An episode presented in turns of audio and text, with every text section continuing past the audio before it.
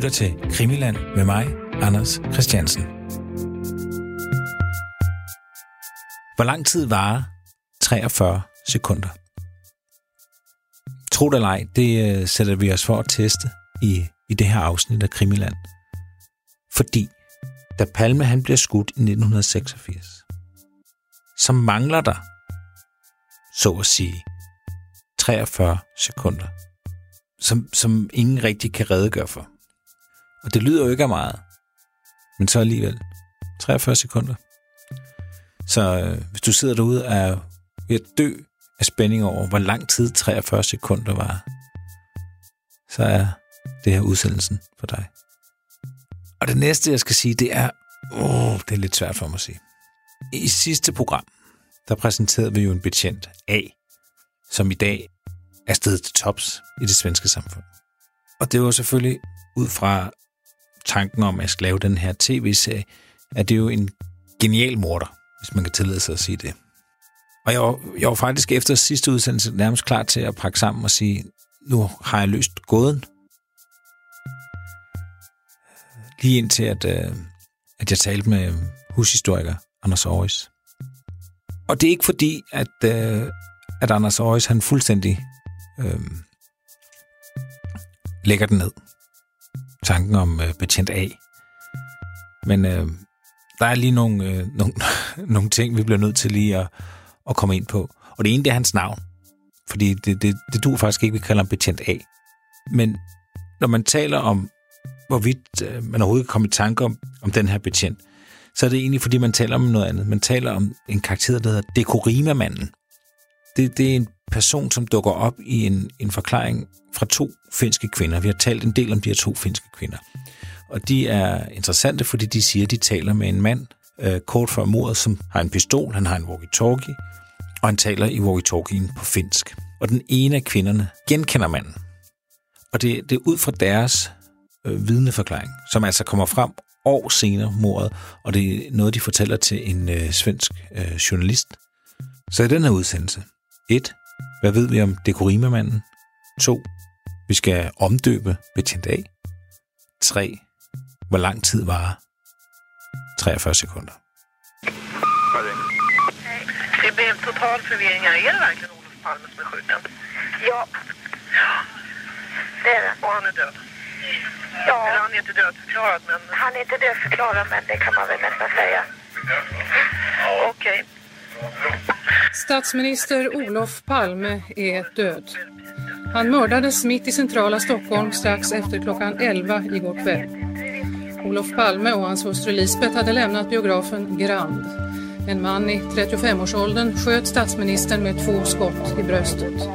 Han fördes till Sabbatsbergs sjukhus där han avled strax efter framkomsten. Hon går hen og spørger ham med på finsk, hvad klokken er. Øhm, og han, han svarer så ikke, den mand. Han står med en øh, sådan en walkie-talkie i hånden og har sådan et, et hvad skal vi kalde det, en, en glins, glinsende, blinkende genstand inden for jakken, øh, som ligner et våben.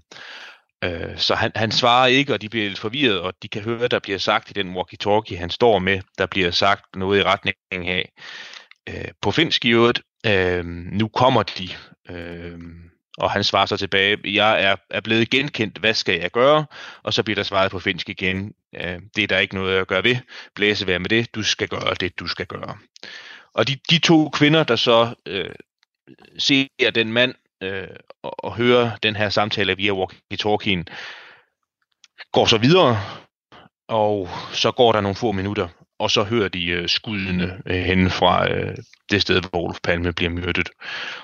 De kan så naturligvis godt forstå, hvad det er, de har været vidne til, og hvem det måske er, de har set. Øh, men i stedet for at melde sig til politi efterforskningen, så aftaler de ikke at fortælle nogen som helst om det nogensinde. Og det løfte, det holder så indtil 1992, hvor der er en af dem, der, øh, om man så må sige, taler over sig øh, på en rejse undervejs til Finland, på en, på en finlandsfærge fra Sverige til Finland, og fortæller øh, en, en person om den iagttagelse, hun har gjort. Og den person kender så en, en på det tidspunkt relativt fremtrædende journalist i Sverige, en der hedder Ola Alsen, Øhm, og så, så bliver kontakten så skabt, kan man sige. De får kontakt til journalisten, journalisten får nogle oplysninger og giver op oplysningerne videre til Palme efterforskningen. Mm. Så det, det er den klump, vi kan kalde for Dekorima-manden. Ja. Og Ja, for, og alle skulle vide, hvad Dekorima er. At det, det er en butik, der ligger hvor... der ligger det sted, hvor Olof Palme bliver myrdet, øh, der ved Sværvæggen og den øh, sidegade, der lå der på det tidspunkt, der lå der sådan en, øh, en farve- og hobbyhandel, der hed øh, Dekorima. Så det er derfor, man tit i forbindelse med mordet på Olof Palme, så taler man om Dekorima-hjørnet, som det sted, hvor Olof Palme blev myrdet. Og det er fordi øh, gerningsmanden, han står ved, ved den her forretning, Dekorimas udstillingsvinduer ud imod Sværvæggen. Det er der, han står og venter, og det er ved det hjørne, at mordet sker. Jeg, jeg synes, det, det der i første omgang er væsentligt at understrege, og nu foregriber vi vores snak lidt, det er, at Dekorimamanden er ikke nødvendigvis den samme mand som politimand A, som vi skal tale om senere hen. Mm. Man kan ikke lave sådan en en-til-en slutning og slå de to sammen og sige, at det må være samme mand. Dekorima-manden er ikke identificeret på noget tidspunkt, og det er rigtigt, at politimand A er en af dem, man har talt om, kunne være Dekorima-manden. Men der har også været øh, andre spil i den forbindelse. Og jeg synes, det er relevant, om ikke andet også for vores lytteres nysgerrighed, sådan at, at rise kildesituationen lidt op i forhold til, hvad vi rent faktisk ved om den her Dekorima-mand. Og det, hvis man interesserer sig for sagen, så det vi har at gå til i dag, det er, at den pågældende journalist, hans notater fra hans samtaler med de to kvinder her, dem kan man læse. Man kan læse det et ud af de politiforhør, der er blevet afholdt, hvor en af kvinderne og en politibetjent har deltaget.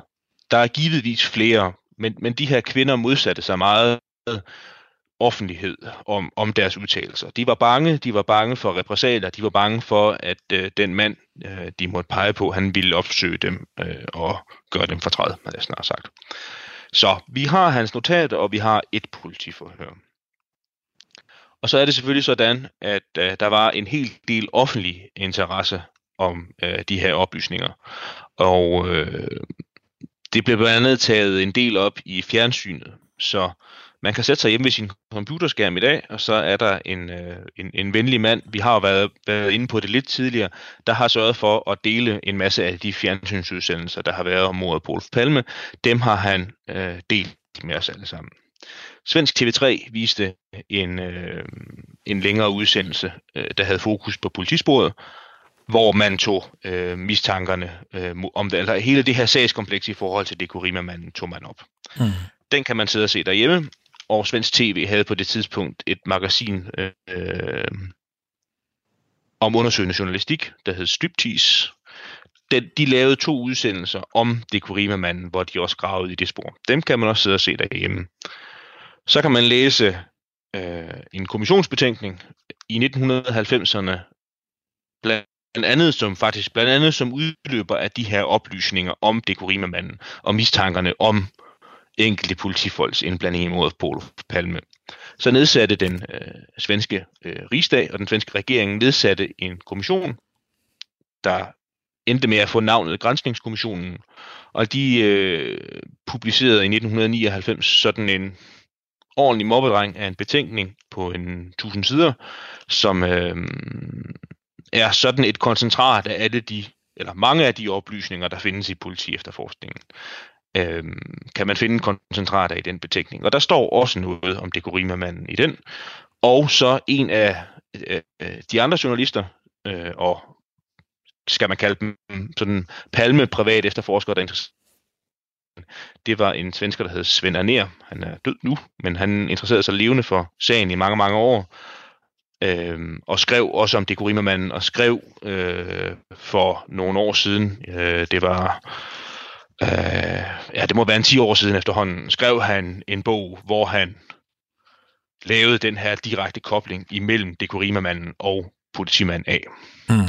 Så det er derfor, at det mange af de mistanker kommer fra. Og nu vi lige har nævnt øh, øh, begrebet politimand A, og i samme åndedrag næsten har talt om grænsningskommissionen, Så hvis vi har nogle særdeles opvagte lyttere, og det har vi jo, Ja. så vil de vide, at hvis de tager fat i Grænsningskommissionens betænkning, så i den, der taler man også om en politimand A.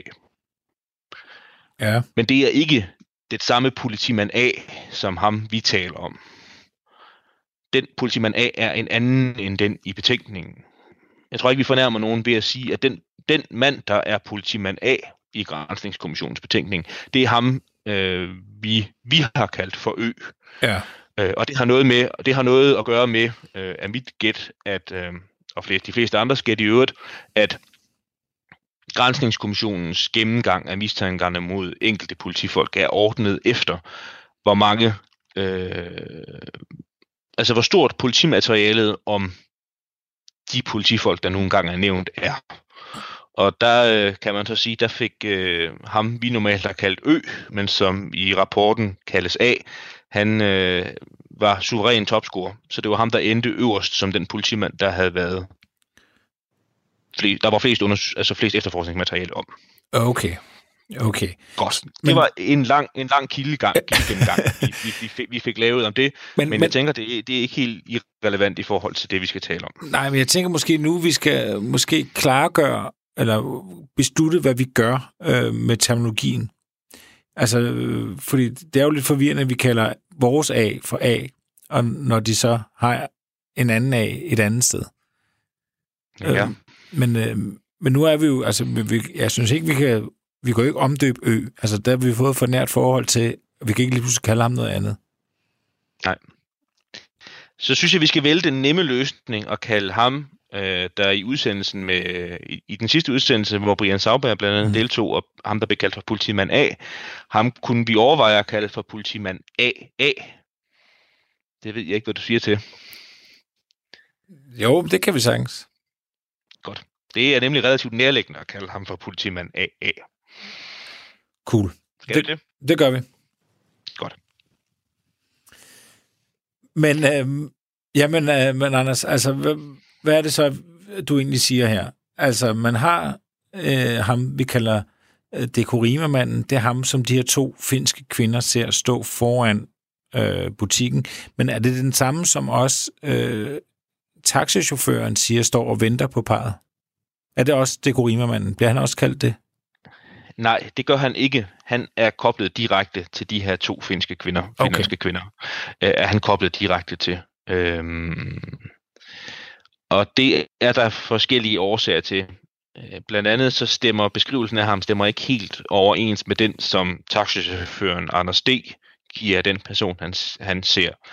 Og jeg synes også, det skal siges, at mm, det kan være svært at indplacere Dekorima-manden i øh, nogle af de andre, og frem for alt tid, altså tidligere udsagn fra gerningsstedsvidner, vi har. Der øh, kan han ikke passe helt ind i det tidsskema og i den beskrivelse, de to kvinder øh, giver af ham, hvordan han ser ud. Der kan han ikke passe helt ind. Øh, de bliver på et tidspunkt spurgt til, hvordan den her dekorime-mand var klædt på. Øh, og de beskriver så det overtøj, han havde på. De siger, at han havde en, øh, en, en, en mørk, en brun læderfrakke på. Og de fleste af de øvrige gerningsstedsvidner, de taler om en, en, en noget længere frakke, der går ned til omkring knæene, og som var af mørkt stof i stedet for. Mm. Det skal, det skal dog retfærdigvis siges, at øh, der er sådan en helt lille, øh, lille mystisk fortælling om en mand øh, ved gerningsstedet, der har haft en, øh, eller kan have haft en, en brun læderjakke på. Der er et enkelt øh, af de andre vidner, der siger noget tilsvarende. En, øh, en herre, der er undervejs i sin, øh, i sin limousine og også holder ved det her kryds her, hvor mordet sker. Han taler også om, at der skulle have været en mand, muligvis morderen, ved, gerne, altså der ved gerningsstedet, der havde en, en, en brun læderfrakke på. Men ellers er der ikke så meget støtte til den påstand. Men det, det, men, men, men det er et af de områder, øh, hvor, hvor det er svært at få de to finlandske kvinders øh, beskrivelse af, mord, af, af den, ikke af morderen, men af den mand, de ser stå og vente, og få den til at passe med, hvad de andre gerningsstedsvidner, hvordan de har beskrevet morderen, og også til dels, hvordan de har beskrevet det forløb, der er op til mordet. Mm. Mm. Så hvad er det, altså, du, du giver ikke så meget for de to finske kvinder? Jeg synes, det er, øh, er lidt øh, vanskeligt øh, at tage endegyldig stilling til. Altså, yes, for det første synes jeg, det er, øh, er lidt besynderligt, at, at de venter øh, øh, så længe øh, og taler over sig på den måde, som de gør. Det er underligt, de ikke som... Der var jo mange andre gerningsstedsvidner også, der øh, jo også trådte frem, også med navns nævnelse, øh, og, og de gjorde det, havde jeg snart sagt, uden at være øh, bange for repressalier fra en morder. Øh, de levede i tillid til, at, øh, at politiet, øvrigheden som sådan, ville sørge for at beskytte vidner, der udtalte sig. Men der er de her to kvinder her, de har så været øh, en undtagelse. Det kan være, at de har været en undtagelse, fordi de har, har været nervøse for, at de havde de, det her direkte kendskab til manden, at, at det så vil, vil føre til, øh, umiddelbart vil føre til repressalier. Der er også noget i forhold til tiden, synes jeg, øh, hvor vi må have nogle forbehold. Altså, de, vi, vi har deres udsagn, øh, har vi først fra, fra seks år efter mordet. Øh, og det er selvfølgelig en, en, en, en smagsag og noget, den e- hver enkelt kan afgøre med sig selv, fordi de, de notater, vi har fra journalisten Ola Alsen, hans notater, dem kan man også sidde og læse derhjemme i dag. Jeg har læst dem, øhm, og jeg synes ikke, at, øh, at, at sammenfatningen af, hvad de to kvinder øh, har sagt, giver sådan et, et overvældende troværdigt indtryk, der skulle bestyrke, at de havde været på det sted, øh, hvor de var på det tidspunkt, hvor de hævdede. Mm. Og, og, og hvad det så fører til, det ved jeg ikke. Det kan, jeg, jeg kan påstå flere ting med det, jeg siger nu. Jeg kan sige, der er tale om en efterkonstruktion. Øhm, øh, eller noget de finder på, noget de finder på for øh, at få øh, opmærksomhed eller eller hvad det nu har været. Altså det det det er er og forbliver jo kun gætværk. Øh, og noget man kan få ud af at lave det der der hedder en vidneværdsættelse, altså øh, sætte sig ind i hvad er ophavssituationen, de vidner der har udtalt sig, læse øh, Ola Alsens notater, som er jo er den, den bedste førstehåndskilde, vi har til, hvad de har sagt, og så bedømme det. Altså, øh, men, men altså, hvis man skal forsvare dem, så et, det giver vel meget god mening, hvis de virkelig kender manden, i hvert fald genkender ham, og lad, lad os sige, de går i træningscenter sammen, og så, øh, så at, vil man da være bange. Altså, hvis, hvis det er, han har skudt øh, landets statsminister, han ved, hvem jeg er. Hvis jeg står frem, så altså, det kan man ikke godt forstå, at man vil være bange øh, for det, hvis man har set morderen lige i øjnene. Altså, hvad man selv tror er morderen. Og, og så er det ovenikøbet en, som man... Altså, der er chance for at genkende en. Jo, muligvis. Øhm, muligvis. Altså, jeg, jeg synes jo, man som borger i en retsstat, så skulle man have reageret på en anden måde. Altså, så skulle man jo selvfølgelig have, have henvendt sig, eller de to kvinder skulle have henvendt sig til politiet og fortalt lidt om deres situation, hvordan blevet det var, at de var, de var nervøse, men de havde nogle meget, meget afgørende og meget, meget væsentlige oplysninger, som de gerne ville give videre. Mm. Og, øh, men hvad nu, hvis de, så, hvad nu, hvis de vidste, hvad nu, hvis de vidste, øh, ja, nu prøver jeg at holde liv i den, Anders, men hvis de nu vidste ja, det er også, så fint. hvis de nu vidste oven i købet, at han var politimand?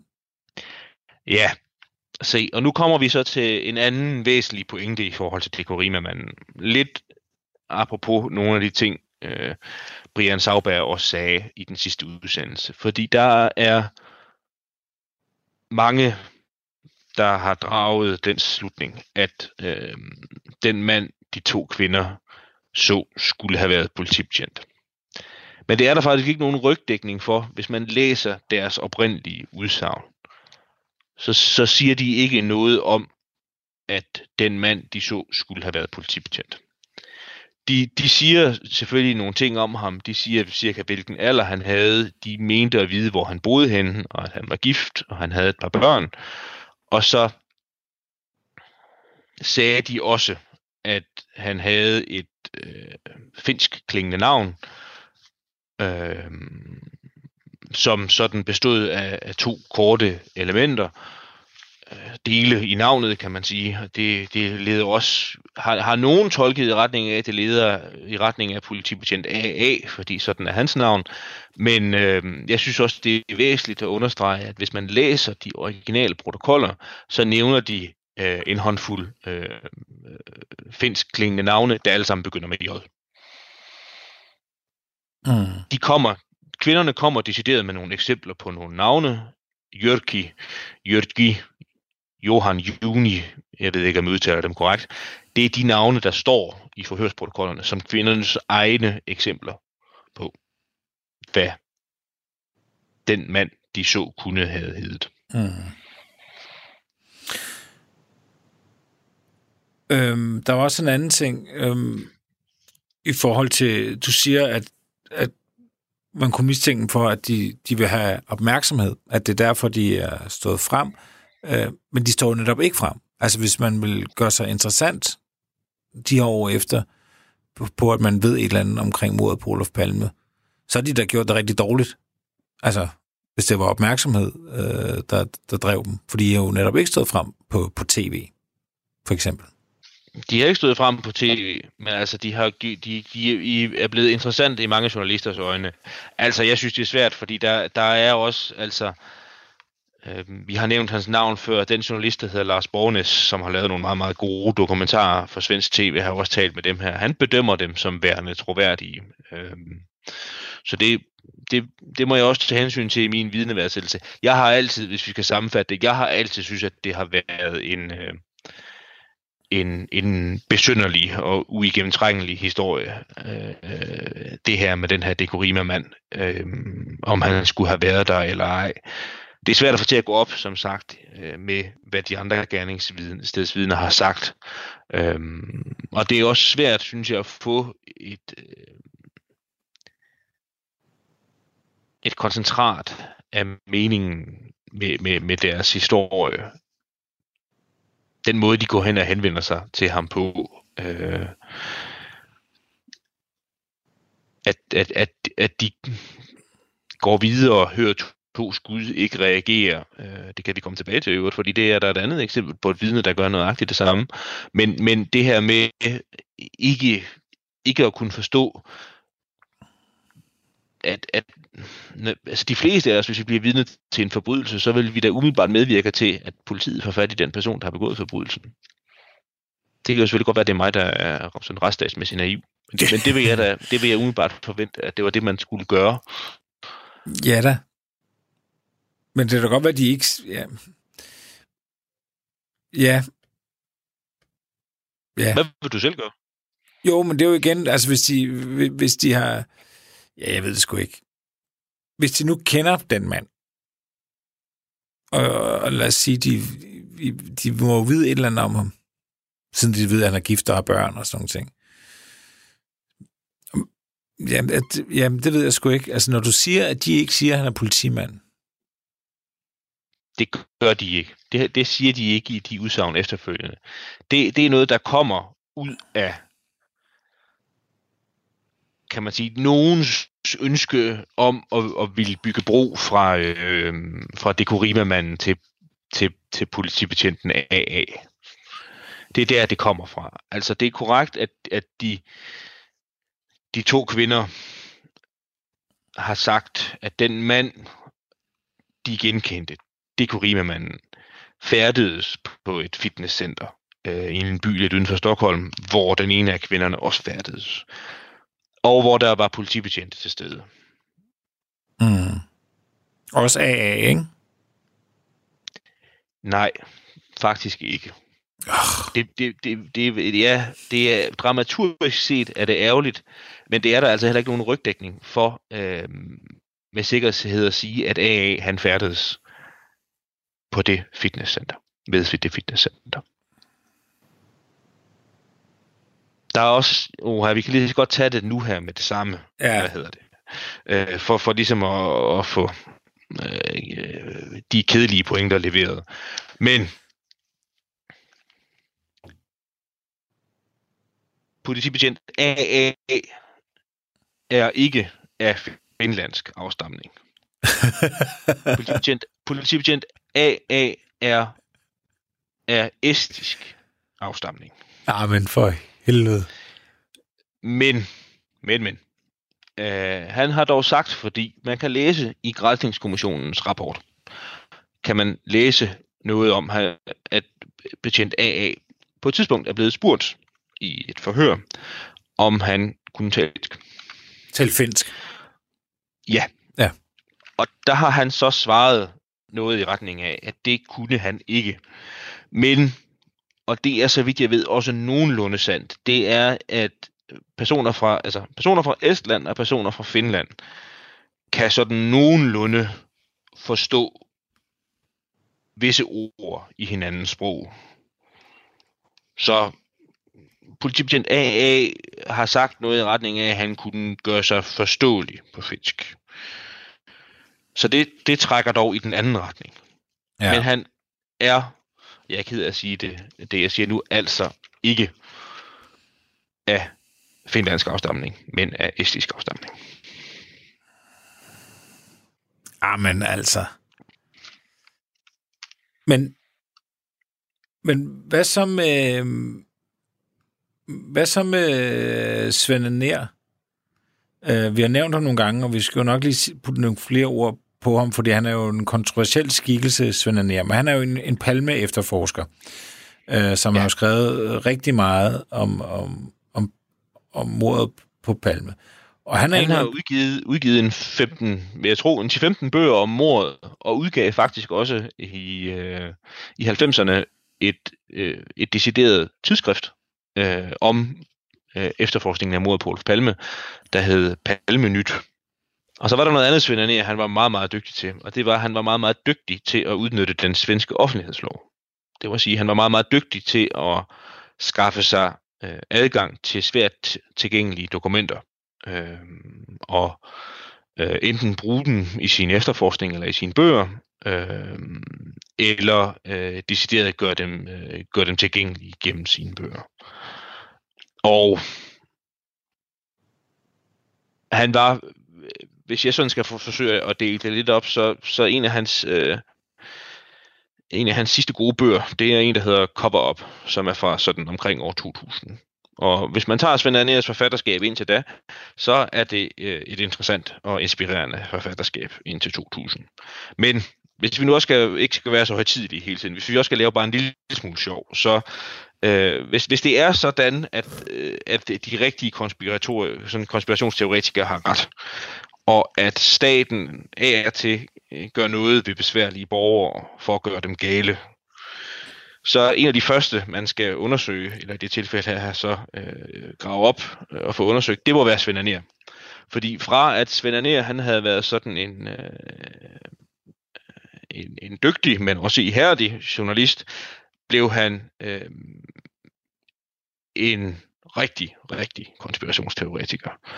Øhm, han han øh, begav sig ud i nogle mistanker om, at øh, mordet på Olof Palme kunne have været et, øh, et fingeret selvmord, som familie, fam, familien var vidne om. Morderen kan have været øh, Olof Palmes egen søn, og alle den slags ting. En, en af hans bøger på det tidspunkt hedder noget i retning af Staten tog Olofs liv, og der er en bog, der hedder Et virkeligt drama. Den der Et virkeligt drama, den øhm, udfolder øh, øh, i, øh, i den, den grad øh, den her familiekonspirationsteori. Ja, ja. Så, så der sker et eller andet med Aner efter 2000, hvor man begynder at tænke, ja, okay du. Ja, øh. sådan forenklet sagt, sådan forenklet sagt vil jeg sige. Altså det skal dog siges, at han har jo skrevet en, en hel bog øhm, for, som sagt, en 10 års tid siden, der, der, der handler om øh, den her politimand AA, og den her øh, fusion af ham og Dekorima-manden. Det skal så dog siges, og jeg sidder med den i hånden, og jeg citerer fra, øh, fra bagsiden, hvor der står, jeg siger ikke, at AA affyrede det dræbende skud, men øh, jeg slår alarm, når det gælder hans mærkelige tilstedeværelse ved mor, morstedet. Så den kan man i øvrigt heller ikke læse som en helt udpegning, ud, sådan en udpegning af, af politimand AA. Men det vil sige, at øh, ham AA, som, øh, som vi luftede i, i sidste uge, øh, i sidste program, ham kan vi øh, godt øh, øh, skubbe væk igen. Ikke, nu, nu skal vi alligevel være helt ærlige og sige, ikke helt, vil jeg, ikke, vil jeg sige alligevel. Fordi Ja. politimand AA var medlem af samme skytteklub som nogle af de andre politifolk, vi har talt om før. Altså det vil sige, at han færdedes i det samme kredse. Det er, det er der naturligvis ikke noget øh, kriminelt i som sådan, men, men, men vi har før talt om, om, at det her netværk, for eksempel i den her skytteklub her, hvor der er så mange af de her navne her, der går igen. I det i den skytteklub og i det netværk, der fandtes AA også. Mm. Og jeg synes også, det er relevant at nævne, at øh, hvis man gør sig den øh, ulejlighed at undersøge lidt nærmere om politimand AA, og ser lidt nærmere på, hvordan han ser ud, hvordan hans statur er, osv., så, så øh, kan man godt tænke sig en vis lighed med gerningsmand, synes jeg faktisk, at man godt kan være bekendt at sige. Så det er selvfølgelig også interessant. Og der er jo også en del, der tyder på, at politi efterforskningen har interesseret sig for AA's gøren og laden. Øhm, blandt andet i forbindelse med efterforskningen af Dekorima, manden, som vi talte om før, men også i al almindelighed. Øhm, vi ved, øh, for nu at spole tilbage til Dekorima, så noget af det, vi ved i dag, det er ham, journalisten Ole Alsen, skal vi lige holde styr på alle de her journalister her. Men ham journalisten Ole Alsen, som var den første, der modtog øh, de her oplysninger fra de to kvinder, ved vi i dag, at da han sådan skulle videregive sine oplysninger til politi efterforskningen, så nævnte han politimand AA's navn som øh, en mulighed. En det kunne være. Øh, de, havde, de havde set der ved gerningsstedet. Øh, Mm. det, det er, altså dekorimermanden er et helt lille mysterium i sig selv. Man kan grave ned i, og man kan grave ned i det ved at studere de kilder, vi har talt om nu. Og så kan hver enkelt jo afgøre med sig selv, hvad man tror på i forbindelse med dekorimermanden. Og man tror på de to kvinder, og øh, om, om man tror på, at der er en mulig forbindelse til AA. Ja. Øh, og jeg, jeg, altså der er så mange tvivlsspørgsmål, så jeg vil ikke, jeg vil ikke øh, endegyldigt sige, hvad jeg tror i den forbindelse. Altså det er selvfølgelig, synes jeg, vi skal have med, og det her, det skal jo også være en lille smule spændende, og det skal også være et, et, et dramaturgisk oplæg til en tv-udsendelse. Mm. Det er, at det er selvfølgelig interessant, at vi har en politimand, Ø, som vi til gengæld ved er fra Finland, Mm. og i hvert fald kan tale finsk. Og så har vi øh, en anden politimand, AA, som øh, efter eget udsagn øh, kan gøre sig forståelig på finsk, og nok formentlig har det sådan med fremmedsprog, som de fleste andre også har det med fremmedsprog, at som regel, hvis man har en lille smule kendskab til et sprog, så er man bedre til at forstå det, end man er til at tale det. Og hvis vi så tager de, de to delelementer, og så tager vi så beretningen om, at der står en mand, øh, som formentlig er Olof Palmes morder, eller i hvert fald er så tæt på, så han ved noget om, hvem det er, der står og venter, og han har en walkie-talkie øh, i hånden, hvor der bliver kommunikeret på finsk. Ja. Det er selvfølgelig interessant. Det er da interessant. Det må man sige. Og, og der er jo også en anden ting, som vi jo vi ikke kom ind på i forhold til AA. Det er jo øh, Svend Nær. Øhm, han påstår jo, at, øh, at han har fra en, en øh, politimand, som kendte AA, der har Svend Nær fået at vide, at, at politimanden skulle sådan have spurgt øh, AA, er du, var du indblandet i, i palmemordet? Og så skulle AA have svaret, øh, øh, at et eller andet i retning af, at vi har en sådan opbakning, at I aldrig kan tage os. Ja, den historie har jeg også godt hørt. Og det, det er da også interessant, hvis han har skulle have sagt det. Ja, og, og, og det er jo klart, det ved vi jo ikke, om han har sagt. Vi ved, at Svend Aner påstår, at han har snakket med en betjent, som har fået det at vide af AA. Ja. han er øh, en interessant skikkelse, og det, øh, hans, hele hans relation til mordet på Palme, hvis, hvis der er nogen, kunne, kunne være interessant at få opklaret. Altså, jeg har ikke selv forsøgt det, men noget af det, der kunne være interessant, det var jo så selvfølgelig at få fat i de, i de forhørsprotokoller, der er med altså det, han er blevet afhørt om af politiefterforskningen. I hvilken forbindelse det har været, og ikke mindst, hvad han har sagt i den forbindelse. Men, men det, det er nogle af de dokumenter, der ikke er, så vidt, så vidt jeg ved, i hvert fald er offentligt tilgængelige. Svend Aner siger, at de er hemmelig, hemmeligstemplet.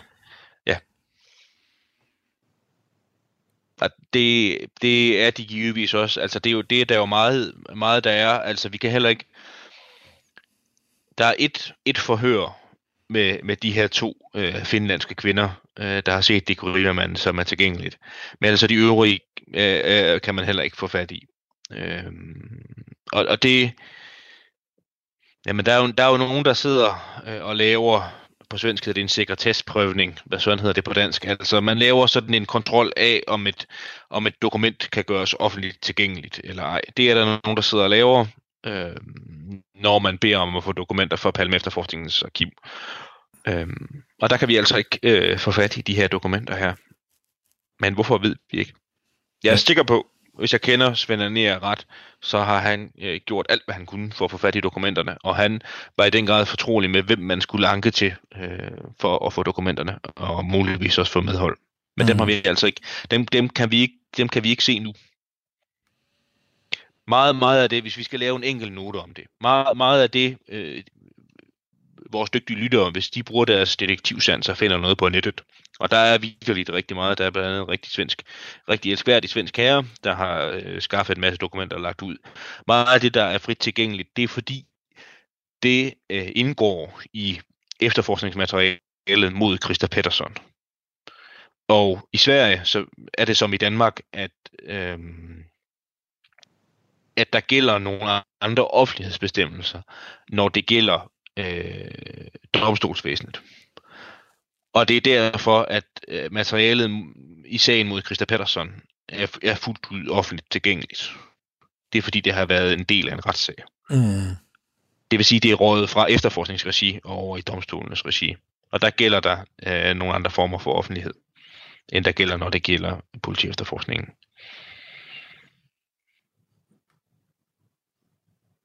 Okay. Men men det vil sige, at øh, vi faktisk bare kun blev... Altså, i forhold til AA, så, så er vi ikke blevet... Altså, det, det, det er både fugl og fisk. Ja, det er det. Altså, øh, den triste pointe er den, at der er ikke nogen, i hvert fald ikke så vidt jeg kan se, der er ikke nogen direkte forbindelse fra Dekorima-manden til, til AA. Mm. Det er der mange, der hævder, men, øh, men, men det er der ikke, når man går kildematerialet efter.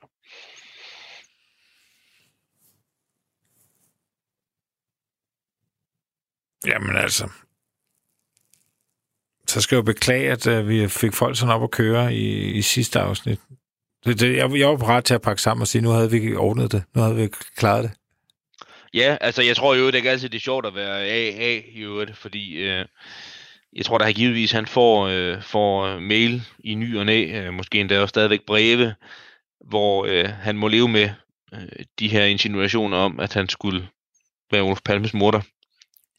Ja, altså Svend Aner har udgivet en bog, der simpelthen hedder Affæren AA, eller så hans, øh, ja. øh, han, hans navn, hvor han jo, som du, som du også sad med, og, at han siger jo, at ja, om, om ikke andet, om han ikke skød ham, så i hvert fald var, var, var involveret i mordet.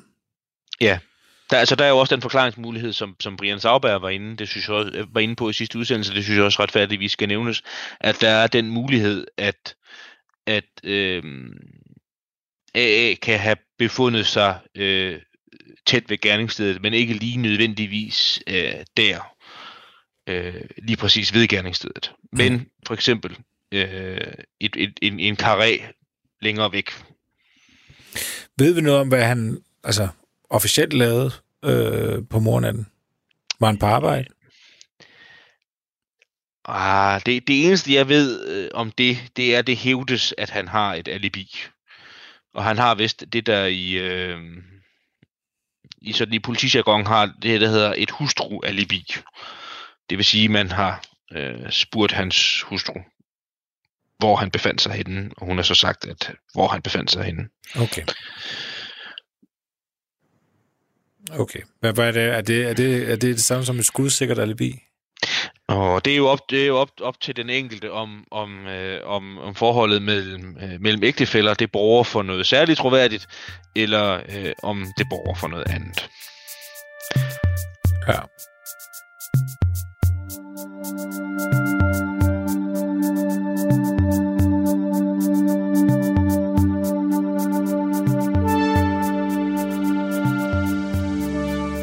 Anders, jeg har fået en del øh, lytterhenvendelser, der handler om 50 sekunder. Ja.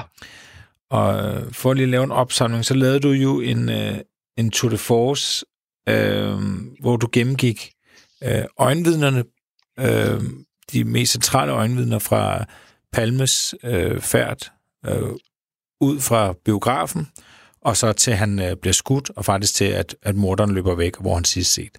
Hele det forløb gennemgik du øh, ret øh, indgående. Ja. Og der siger du på et tidspunkt, at der er nogle tidspunkter, hvor man ikke rigtig gør, som man ikke rigtig gør redde for. Altså, der er nogle, nogle klokkeslæt, der, hvor, hvor der er nogle, nogle huller. Og der er blandt andet, jeg tror, mener du sagde 50 sekunder. Øh, prøv lige at genopfriske øh, min hukommelse. Hvor, hvor er de 50 sekunder henne? Vi skal... Det er måske nemmest at gå en tur ja, på fortorvet, der ved Sværvæggen. Og øh, den, hvis fodspor vi går i, det er det vidne, der hedder Nikola F. Øhm, på det tidspunkt, hvor mordet sker, er øh, Nikola F. Han er midt i 20'erne. Han er kok inde på et stort hotel inde i øh, Stockholm. Og øh, han går, som sagt, i modsat retning af ægteparet Palme Mm. på det fortov. Og se, det der så sker, det er, at hvis vi nu forestiller os, at Nikola F. han når frem til det, der senere bliver gerningsstedet. Og så går han videre til punkt 1. Og ved punkt 1, der møder og genkender han ægteparet Palme.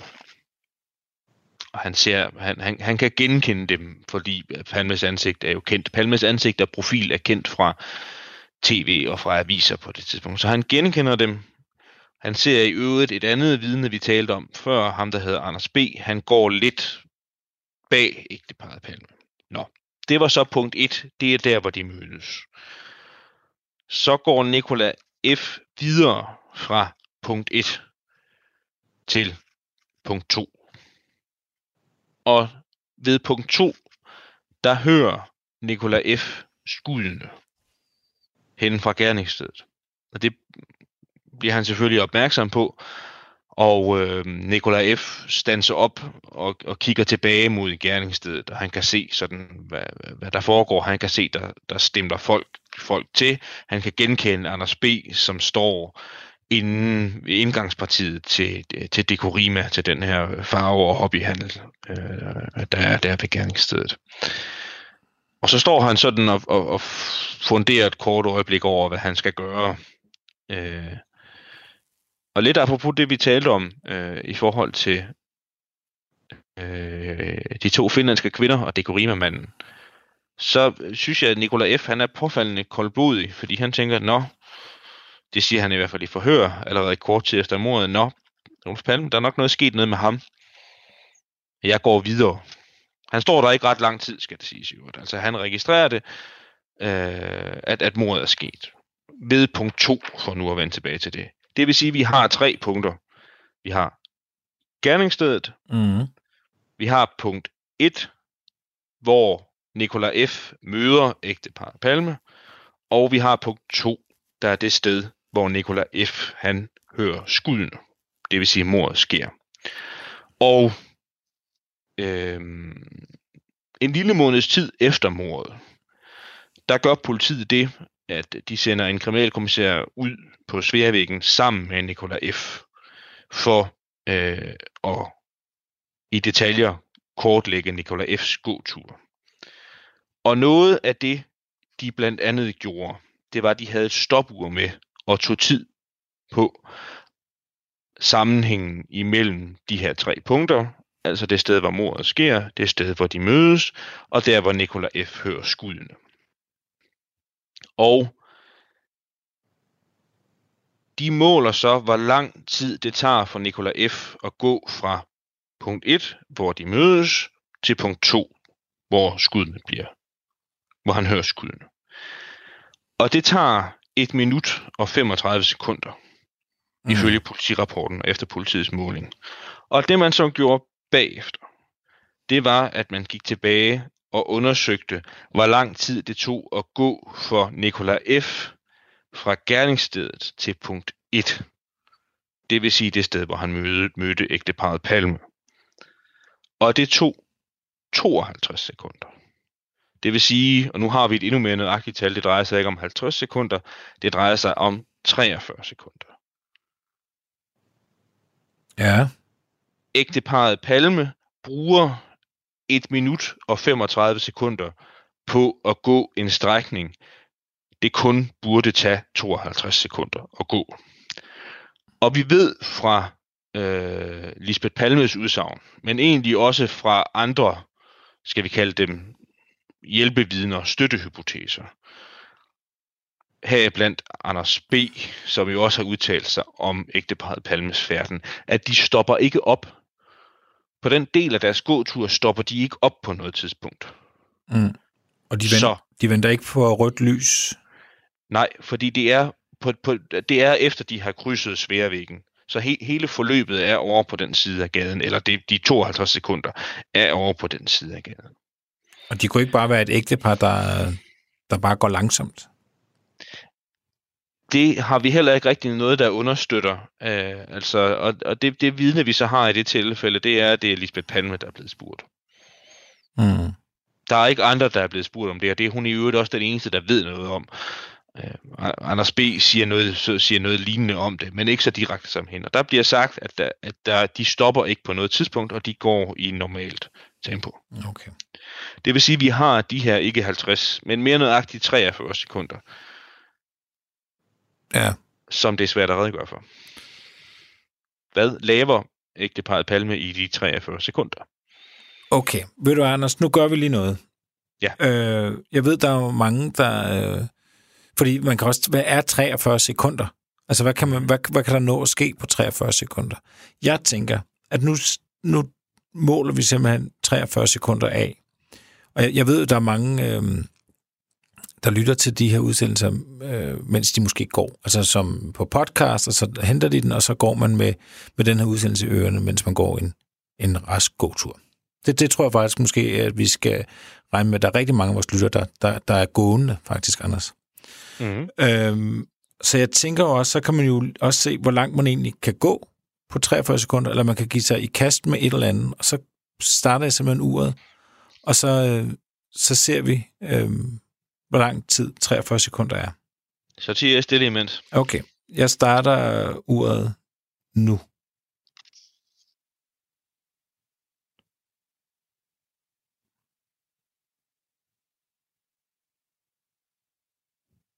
Det var 10 sekunder.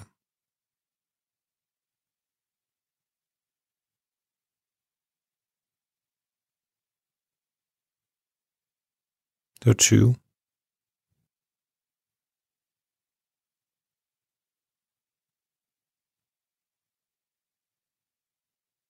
Tredive.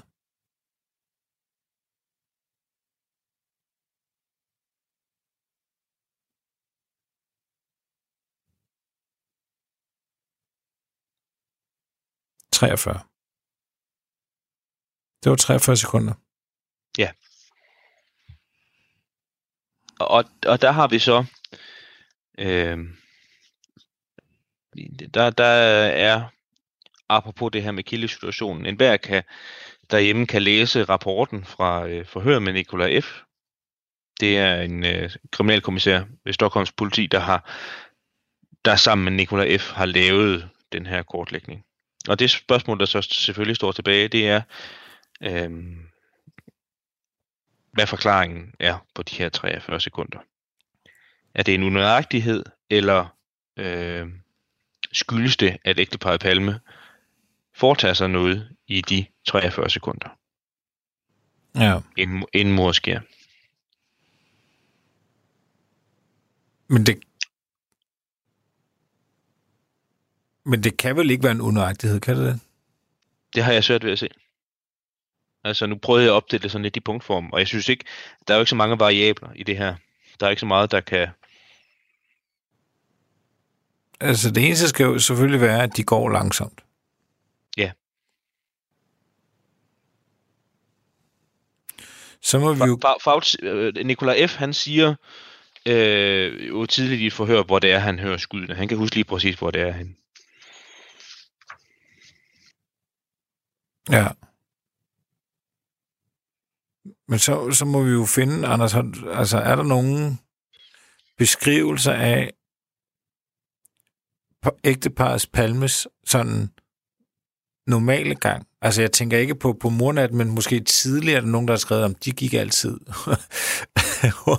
hurtigt, eller de gik altid, de, gik, de var kendt for at gå langsomt, eller ved, altså så må vi jo se, om der er nogen, der på en eller anden måde har omtalt det i en bisætning i noget andet.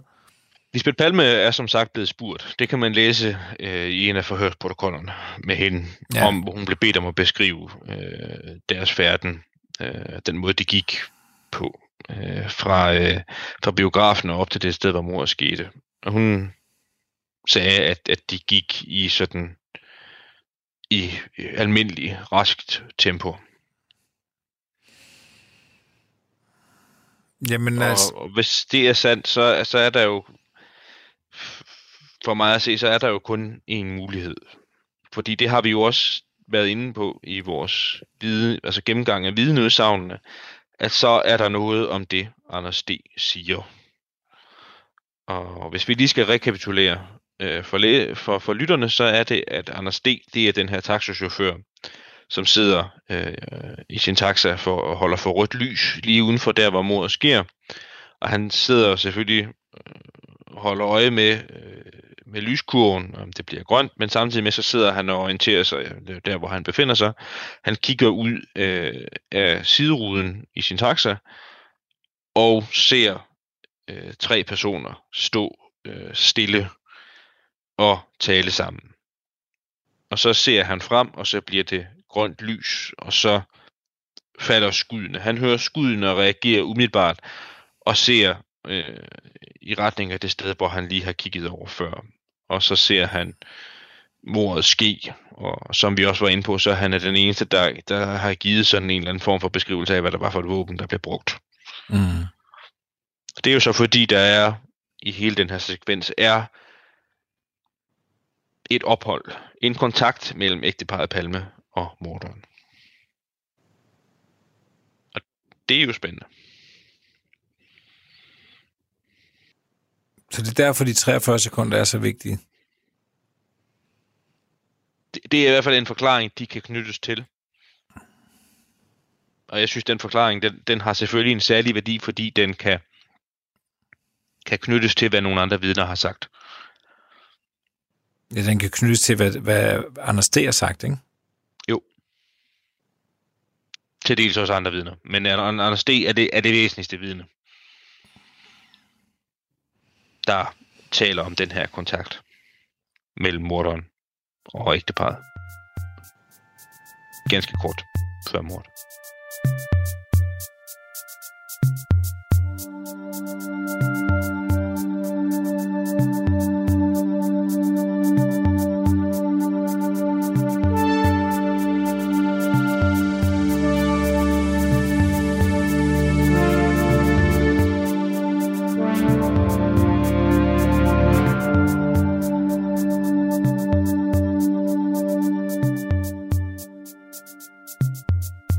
Programmet er produceret af Wingman Media for Radio 4.